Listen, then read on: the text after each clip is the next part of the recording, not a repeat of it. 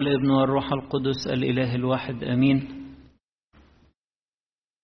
شهر مصر هو آخر شهور السنة القبطية عشان كده الكنيسة بتحط لنا فصول مناسبة للبدايات الجديدة بعد ما الإنسان يتخلص من الأمور العتيقة في حياته. فالحديث النهاردة كله في القراءات عن معرفة المسيح معرفة المسيح.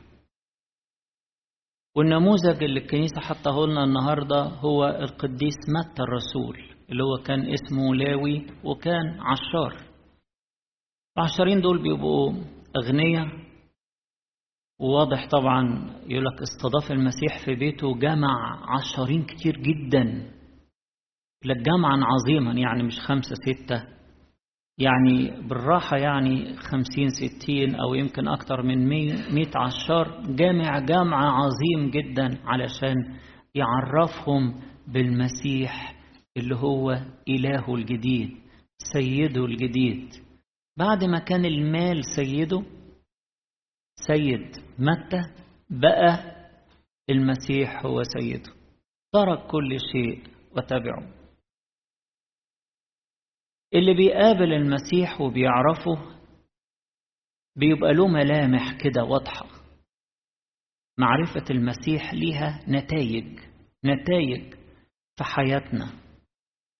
هنشوفها واضحة في القراءات بتاعت النهاردة وفي قصة القديس متى أول حاجة فرح فرح لا يعبر عنه. تاني حاجة غنى حقيقي. يملى النفس مش يملى الجيب يملى النفس. ثالث حاجة قوة. قوة لا تقهر. معرفة المسيح قوة لا تقهر. وآخر حاجة حياة جديدة بالكامل. حياة جديدة خليقة جديدة في المسيح. أول حاجة بنشوفها وشايفينها في حياة كل الناس اللي عاشت مع ربنا. أول ما يتعرفوا بالمسيح حياتهم تتملي بالفرح. زي ما بيحكي ربنا يسوع وهو بيقول في الأمثال عن الملكوت بيقول دي تشبه الملكوت الله يشبه إنسانا تاجرا يطلب لآلئ حسنة. فلما وجد لؤلؤة واحدة كثيرة الثمن مضى وباع كل ما كان له واشتراها فرحان بيها. ويشبه ملكوت السماوات إنسانا كان كان راجل ماشي كده مش واخد باله. وفي عطر كده في حقل بكنز كنز. يقول من الفرح من الفرح مضى وباع كل ما كان له واشترى ذلك الحقل. اللي بيتعرف على المسيح فعلا بيفرح فرح حقيقي. مش فرح زي بتاع أهل العالم لذة مؤقتة وتنتهي. لا قلبي يتملي بالفرح. تحسوا إن القديس متى في الحفلة الكبيرة اللي عملها دي؟ فرحان. أنا ما أعتقدش قبل ما يعرف المسيح لو عمل حفلة زي كده يبقى فرحان. هيصرف أصلا. هيصرف. يصرف كتير. ده داعي عشرات أو مئات. يبقى فرحان إزاي؟ فلوسه هتنقص لا ده فرحان جدا. وفاتح بيته الكبير علشان يفرح الناس بالمسيح اللي هو فرحان بيه. ممكن ده يبقى دورنا لما بنصلي من أجل الآخرين بنجيبهم للمسيح أو بنطلب المسيح يجي يباركهم. بنطلب لهم بركة المسيح. هو متى عمل إيه؟ قال لهم بصوا أنا مش هعرف أكلمكم عنه. أنتوا حبايبي واصدقائي و... وإحنا زملاء مهنة بقالنا سنين. فأنا عايزكم تدوقوا من اللي أنا دقته. تتعرفوا على اللي أنا اتعرفت عليه. تدوقوا كلامه الحلو. تدوقوا شخصيته. تدوقوا أبوته. تدوقوا محبته. فرحان وعايز يفرح اللي حواليه. ده لسان حال أي إنسان بيتمتع بالإنجيل. تلاقيه مش عارف يسكت. عمال يكلم الناس يقول لهم بصوا أما رسالة أفسس دي جميلة قوي أما إنجيل لوقا ده فيه أحداث أما سفر الخروج ده في ترتيبات ربنا لقيادة شعبه وإظهار قوته ليهم وطول باله عليهم وهكذا كل ما الإنسان ينبش في الإنجيل يفرح بيه ويشوف ربنا ويبقى عايز الناس كلها تتجمع معاه حول مائدة الإنجيل ما هو قديس متى دعا العشرين يعني إيه؟ يعني دعاهم إلى مائدة المسيح عشان يتمتعوا بالمسيح وبكلامه ويتناقشوا معاه ويتعرفوا عليه ويلاقوا فيه صورة الله الحقيقية لأن اللي بعيد عن ربنا الشيطان دايما يتعب يضحك عليه ويصور له إن الله منتقم وقاسي وهيعمل ويسوي فيك وبعد كل اللي أنت بتعمله ده أنت مش هيكون ليك عين أصلا تشوفه. وهو هيرفضك. خداع من عدو الخير. لكن أول ما الإنسان يتعرف بشكل حقيقي على المسيح يكتشف حبه يكتشف أحضانه المفتوحة يكتشف إنه ما عندوش مانع يقضي معاه وقت طويل ويكرس له وقته المسيح يكرس وقته لكل واحد فينا. أيوه. ده لو واحد طلب نص ساعة من رئيس البلد يحس إن كتير عليه طبعا. هو هيكرس نص ساعة لكل واحد. ده لو بس تكلمني دقيقة أنا هبقى طاير من الفرح. المسيح مستعد يكرس كل وقته لكل واحد فينا. وحتى لو تعرض لانتقادات قالوا كده. عليه ده بياكل ويشرب مع العشرين والخطاة قال لا دول حبايبي. أنا جاي كطبيب. أنا جاي أشفي أمراضهم وألمهم. أنا جاي عشان أتحنن عليهم وأفرحهم. هو الطبيب. لا يحتاج الأصحاء إلى طبيب. طبعا الأصحاء دول اللي هم فاكرين نفسهم أصحاء اللي هم الفريسيين اللي بينتقدوا دول. فاكرين نفسهم أصحاء وهم مضروبين بكل الأمراض. وفي طريقهم للموت والهلاك.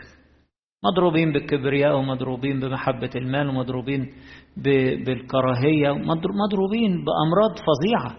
والمسيح جاي عشان يشفيهم ويرفضوه. أما اللي, اللي عندهم استعداد يقولوا يشفيهم يشفيهم هو الطبيب الحقيقي الذي لأنفسنا وأجسادنا وأرواحنا فأول حاجة لما بنتعرف على المسيح نتملي بالفرح ونبقى عايزين ننشر الفرح ده لأكبر عدد ممكن وأوسع دايرة ممكنة طبعا القديس متى فرحان بإيه؟ أولا فرحان بالغفران إن المسيح قال له كل الظلم اللي انت عملته وكل القسوة اللي انت مشيت فيها وكل الأخطاء اللي انت عملتها أنا مسامحك فيها. بدل ترجع تايب خلاص أنا مسامحك. فرح بالغفران. قديس يوحنا النهارده في رسالته يقول أكتب إليكم أيها الشبان لأنه قد غفرت لكم خطاياكم من أجل اسمه. افرحوا. لأنه قد غفرت لكم خطاياكم. فرح بالغفران.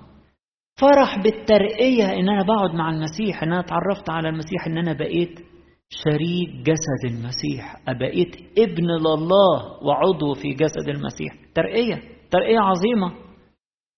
إنسان بيتولد من التراب وإلى التراب. وبعدين يتولد ولادة جديدة في المسيح. بالماء والروح يترقى. يبقى ابن لله. فرح بالترقية دي. كل يوم لازم نشكر ربنا باستمرار طول الوقت علشان النعمة اللي إحنا خدناها دي نعمة البنوة حتى الكنيسة أول بتعلمنا أول ما نصحى من النوم نصلي صلاة باكر ونقول له أعطيتنا روح البنوة نسبحك ونباركك. أعطيتنا روح البنوة نشكرك ونسبحك ونباركك. المجد للآب والابن والروح القدس. أول قطعة في صلاة باكر فرح بالترقية يبقى فرح بالغفران وفرح بالترقية وفرح برعاية المسيح. فرح إن هو مش سايبني. فرح بيه إن هو بيتابعني ومش سايبني. واخدني في حضنه. مش سايبني أبدا. فرح إن أنا عايش معاه. فرح إن أنا بتقابل معاه في كل لحظة مش بس في الكنيسة. فرح بأنه هو الراعي الصالح اللي بيرعاني وبيهتم بيا وإن سلكت في وسط ظلال الموت لا أخاف شرا لأنه معي. فرح برعايته. تاني حاجة من نتائج معرفة المسيح غنى حقيقي يملى النفس. زي ما المسيح قال لنا كنز لؤلؤة كثيرة الثمن. كل الحاجات التانية جنبها تبقى ولا حاجة. تبقى ولا حاجة. وده اللي إحنا شفناه مع كل اللي عرفوا المسيح. زكى مثلا. بقى يوزع فلوسه. كأنها يعني لعبة كده. فلوسه دي اللي تعب فيها وطبعا يعني واخد جزء منها بالظلم وبالسرقة. وزعها وقال كل اللي أنا ظلمته أرد له أربع أضعاف. الشريعة كانت بتقول كده. أربع أضعاف. شريعة موسى في سفر اللاوين فحاضر. هرد أربع أضعاف. واللي عايز يجي ياخد. أي حد محتاج نصف أموالي للفقراء. إيه ده؟ ده غنى. غنى حقيقي. ملأ قلبه وملأ نفسه. المسيح بقى في بيته. المسيح بقى في قلبه وملأ عليه حياته. فأمور العالم بقت تافهة في نظره. عرف قيمتها إن هي ولا حاجة.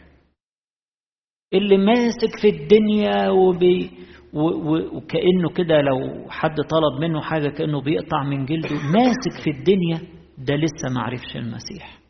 ده لسه ما عرفش المسيح. ومحبة المال تبقى متسلطة عليه. يبقى سيد المال يبقى سيد خطير خطير. يطفي محبة ربنا في القلب ويخنق البذرة اللي بتدخل كلمة ربنا اللي بتحمل حب الله تدخل في القلب. محبة المال تخنقها. اعطوا ما عندكم صدقة. وهو ذا كل شيء يتطهر لكم.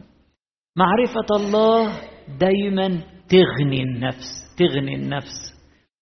لحد لما الإنسان يبقى عايز يفيض على الآخرين بالغنى ده غنى في المحبة غنى في السلام مهما كانت الظروف غنى في أعمال الرحمة والعطاء غنى. فمعرفة المسيح تخلينا فرحانين فرح لا يعبر عنه أيضا تخلينا أغنياء من الداخل أغنياء أغنياء. ممكن ربنا يستأمننا برضو على أموال. ونقول له يا رب دي حاجتك. وإحنا مجرد وكلاء. ارشدنا يا رب إزاي نوجهها وإزاي نمشي بالتدبير الحسن. ثالث حاجة معرفة المسيح تدينا قوة لا تقهر قوة. اللي بيعرف المسيح قوي. ثابت فيه. النهارده القديس بولس الرسول في أفسس الستة يقول لنا يا إخوتي تقووا في الرب وفي شدة قوته. البسوا سلاح الله الكامل. اللي بيعرف ربنا قوي يتحدى العالم. النور أقوى من الظلمة. أما أنتم فنور في الرب. نور النور أقوى من الظلمة اللي في العالم. قوة ما تهزمهاش كل ظلمة هذا العالم. ما تهزمهاش. قوة لا تقهر. طبعا حربنا ضد عدو قوي ولكن فيه الأقوى لما يكون في حياتنا نغلب. عدو زي ما قال وصف القديس بولس الرسول النهارده مع قوات الشر الروحية مع أجناد مع سلاطين. عدو متمرس عدو خبيث عدو عنده أدوات وخبرات لكن ولاد ربنا عندهم قوة قوة إلهية متقوين في الرب لابسين خوذة الخلاص ومحتمين بدرع البر ومصلين بكل صلاة وطلبة في كل حين. لا يكفوا عن الصلاة وعن التواصل مع إلههم فعشان كده أقوياء. مسكين الكلمة الإلهية وشبعانين بيها وساكنة فيهم بغنى التي هي سيف الروح. القوة معانا أسلحة روحية كاملة. زي ما قال القديس بولس الرسول النهارده البسوا سلاح الله الكامل. كامل يعني مهما العدو طور من الأسلحة بتاعته السلاح اللي معانا كامل. مفيش حاجة تغلبه. ابدا. مهما العدو حاول يعمل تريكس كده وشوية حيل ويطور شوية ولا يقدر يوصل للقوة اللي معانا. في الصلوات الجميلة بتاعت المعمودية أبونا وهو بيصلي اللي هيتعمد يقول كده إن أنت هتدخل في الإيمان بالمسيح وقوات الظلمة يصيروا مشدوخين أمام صليبك. تعبير قديم كده شوية يعني مكسورين منهارين أمام القوة الإلهية اللي ولاد ربنا يبقوا فيها. فقوة لا تقهر. في رسالة يوحنا الأولى إصحاح الرابع آية أربعة يقول أنتم من الله أيها الأولاد وقد غلبتموهم لأن الذي فيكم أعظم من الذي في العالم. القوة اللي معانا لا تقهر.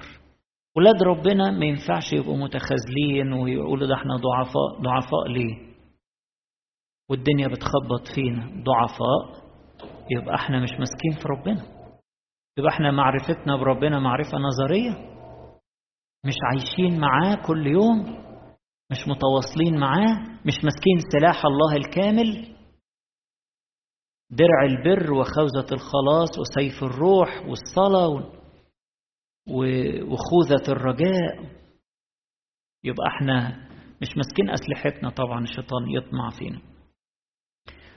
فمعرفة المسيح تعطينا قوة لا تقهر قوة تغلب العدو قوة تغلب الموت حتى. قوة لا يهزمها الموت. آخر حاجة إنه معرفة المسيح تجدد الحياة بالكامل. مش مجرد رقعة جديدة على ثوب عتيق.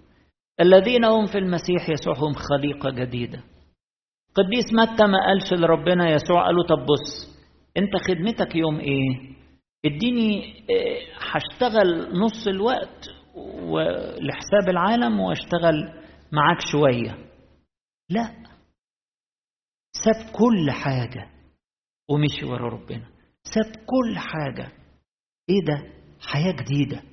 حياة جديدة. طبعا مش الكل بيعرف يعمل كده خلينا واقعيين يعني.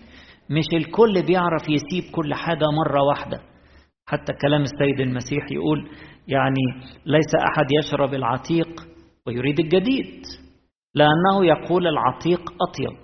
يعني اللي متعود على حاجة صعب أنه هو بسهولة ينتقل منها لحاجة جديدة. فدايما التغيير محتاج وقت ومش سهل. لكن مع التغذي بمحبة ربنا وبكلام ربنا ممكن الإنسان يوم ورا يوم ينمو في محبة ربنا لحد لما يوصل لما يسمى أعتقد في الرياضيات دي حاجة أنا فاكرها كده اسمها نقطة الانقلاب. نقطة الانقلاب يعني لما محبة ربنا تتقل قلبه قوي كل حاجة تتغير بقى. خلاص خلاص. هسيب كل حاجة. أنا هعيش ليك يا رب. مش معنى أن أنا أسيب يعني أسيب شغلي وبيتي. ما هو شغلي لمجد ربنا. بيتي يبقوا قديسين عايشين لربنا. وكل حياتنا لربنا. أسيب يعني أسيب من قلبي. يعني الفلوس في جيبي مش في قلبي. يعني محبة ربنا مالية قلبي.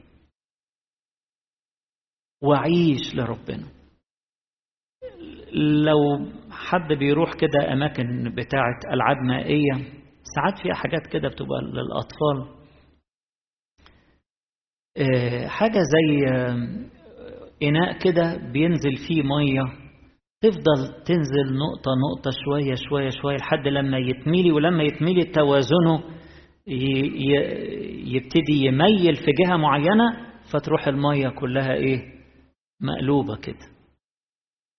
دي اللي هي زي نقطة الانقلاب. وبعد كده يبتدي يملى تاني. ولاد ربنا برضو اللي عرفوا المسيح بينمو في محبته كل يوم. لحد لما بتيجي نقطة يقولوا خلاص يا رب حياتي كلها ليك كلها ليك. بكل ما أملك بكل ما أملك من مواهب أو قدرات أو خبرات أو أموال أو علاقات كل شيء يكون ليك يا رب. كل شيء يكون ليك. أنا متصور واحد زي القديس متى الشاطر اللي كان عشار بيعرف يحسب وبيعرف يهندس وبيعرف يظبط وبيعرف بيعرف أمور شغله. كل المواهب دي لما كرسها ربنا بقت شكلها إيه؟ كاتب لنا الإنجيل ومطلع النبوات وبترتيب ومجمع حاجات حاجات عجيبة جدا روعة. كل المواهب اللي عنده والقدرات اللي, اللي اكتسبها على مر الوقت وربنا ساعده فيها كلها استخدمها لمجد ربنا. وهكذا. ولاد ربنا لما بيعرفوه بتبقى حياتهم حياة جديدة. مفيش حاجة اسمها ترقيع. جزء جديد على جزء قديم. لازم نتخلص من القديم.